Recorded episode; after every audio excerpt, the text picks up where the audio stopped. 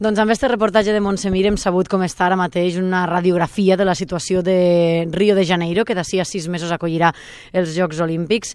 Els esportistes estan ja alguns classificats, altres encara busquen la classificació, però un dels que sí que està ja classificat i té ja el bitllet cap a Rio és Joel González. Què tal, Joel? Bona vesprada. Molt bones, Una, un plaer poder estar aquí una altra vegada amb vosaltres.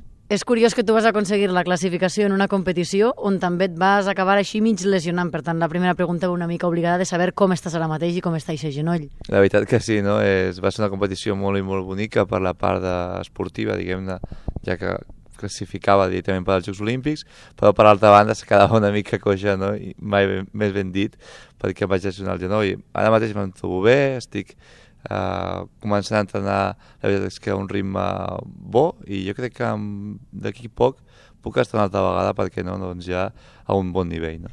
Com ha modificat això la planificació de cara, de cara a Rio? Perquè una vegada aconseguida la, la classificació, suposa que ho visualitzeu d'una altra manera, la lesió ha impedit molt o tampoc ha trencat massa els plans? Uh, ha tocat una mica la planificació, però no gaire. No? El bo ha sigut que com teníem 8-9 mesos des que vaig classificar, volíem prendre els dos, tres primers per fer una part de pretemporada light i, i començar una altra vegada doncs, a treballar. No?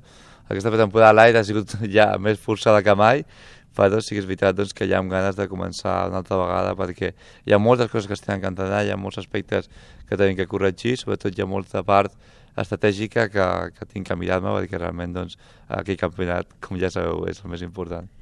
Tota aquesta part estratègica eh, ve motivada pel fet del canvi de categoria?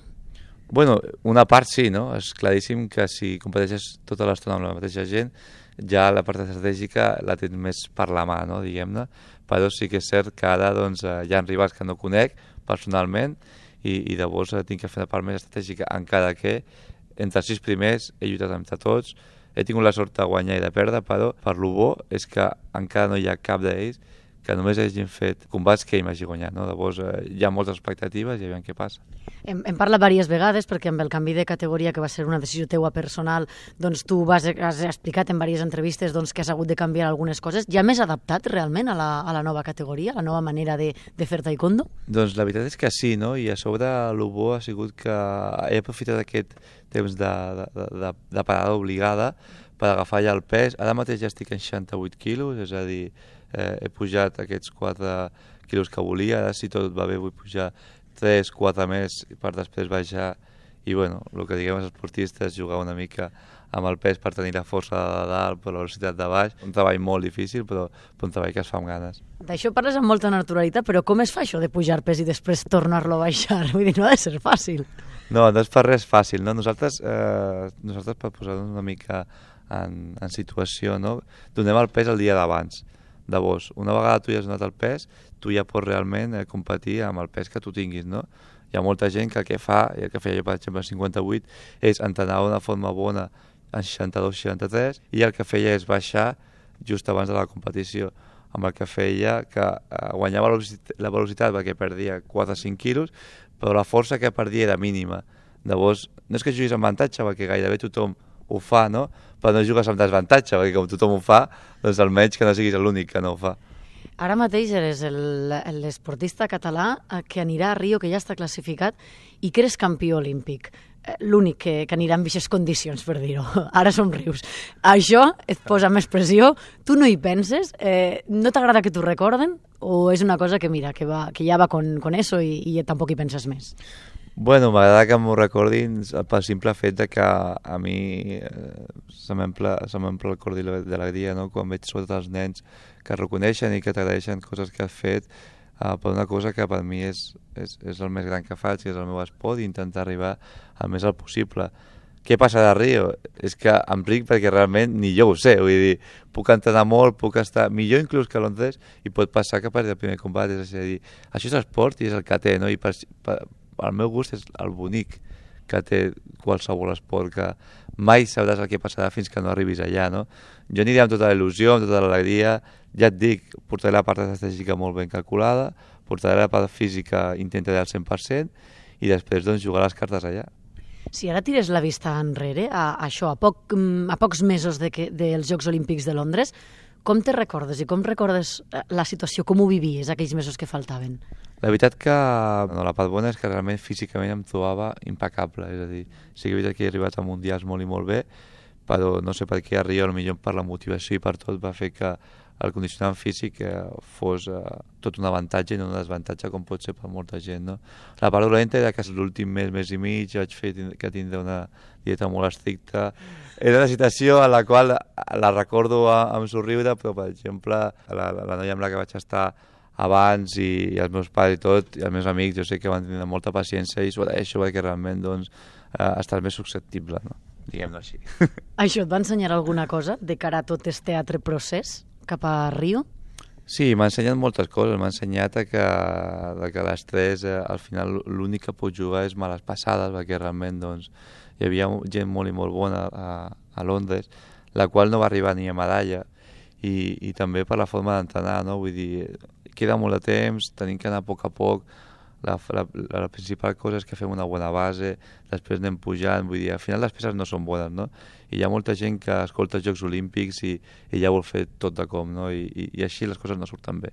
Si l'any passat jo vaig aconseguir ser subcampió del món és perquè ho he fet bé durant aquells 4 o 5 mesos d'abans i, i tinc que fer la mateixa preparació i anar amb il·lusió i amb, la, i amb alegria, no? I és al final el que pot donar el canvi d'altres persones. Tot i això, Londres era el debut olímpic, eren els teus primers jocs, i ara Rio seran els segons. Eh, les sensacions són diferents, ja no només per la competició en si, sinó per tot el que envolta els Jocs Olímpics. Suposa que a Londres no sabies a lo que anaves, i ara una mica sí que coneixes de què va això. Eh, és com més relaxat, ara, el pensar en Rio, o no? Home, clar, jugues amb l'avantatge de que ja ja, ja s'estan, no? com, com, com aquí qui diu, i, i bueno, jo crec que pot ser més positiu que, que negatiu, no? Eh, sé que hi ha tota la part de la pressió i per l'altra part eh, jo crec que és, que és sumar, no? Tens l'experiència de molta gent, tens la, el, el poder eh, intercanviar doncs, diguem, eh, diguem pensaments amb, amb gent de primer nivell que guanya moltes medalles, com pot ser un David Cal. A mi, per exemple, m'explicava que tothom li deia que, que realment doncs, eh, balla final havia fet perquè va aconseguir remuntar des de la vuitena posició fins a fer segon, mm -hmm. aquí a Londres i clar, ella em contava que en veritat ell no havia remuntat, sinó que ell portava un ritme de sempre i deia o avui els set aquests fan rècord del món o, o, o, jo, o aquesta gent que començar a perdre, no? I, i aquí la importància de la mentalitat, no? Si tu pots escoltar-ho i únicament dir, hòstia, veia que m'has fet i ja està, no?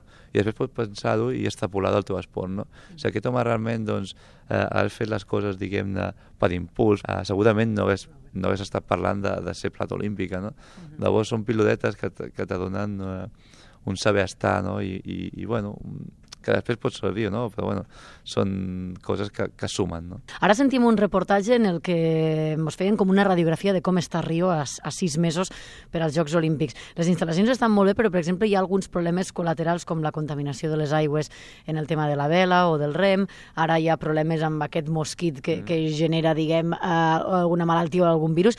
Vosaltres hi penseu en això? O com que són coses més col·laterals intenteu estar en la vostra bombolla i no pensar tant? Bueno, sí que és veritat que jo no vull posar por a ningú, però jo si fos un esport d'aigua m'ho pensaria, la veritat, perquè realment doncs, estàs jugant amb la teva salut, no? Que el del mosquit sí que millor es pot arribar a, a controlar una miqueta, però el de l'aigua és perillós perquè realment doncs, vas amb qualsevol ferida o qualsevol cosa que pots fer allà mateix, no? un petit tall, i, i és preocupant. No sé ben bé què faran ni si es pot solucionar, però és un tema a tenir en compte. I des d'ara, Joel, 5 de febrer fins al 5 d'agost, quins són els plans que té Joel González? Sobretot eh, tinc dos plans molt i molt clars. No? Una és estar igual físicament que vaig estar a Londres, és a dir, jo crec que és una part molt i molt important perquè quan ja arriben els 30-40 segons finals del combat, moltes vegades depèn del físic i, i quan, quan el físic falla, eh, moltes vegades també el cap falla perquè eh, ja vas una mica remolc i, i, i, i pots cometre errors que et poden costar un combat, no? Llavors, això tinc que intentar que no passi, sobretot, perquè si veig que un no funciona, l'altre no funciona, i anem més o menys empatats a, a, a la recta final del combat, eh, que es pugui decidir i que no sigui sobretot per culpa meva, no? Vull dir, que decideixi per un faiser o que decideixi mm. per, per una acció que jo he arriscat i no l'he volgut donar, no l'he pogut donar, però que no sigui perquè jo he fallat en un plan físic i, i tingui la culpa de que la meva acció ja estava mal tirada des del principi. Doncs Joel, mos anirem sentint en estos sis mesos que falten fins a Rio, que vagi molt bé la preparació i molta sort en els Jocs. Espero que sí, moltes gràcies.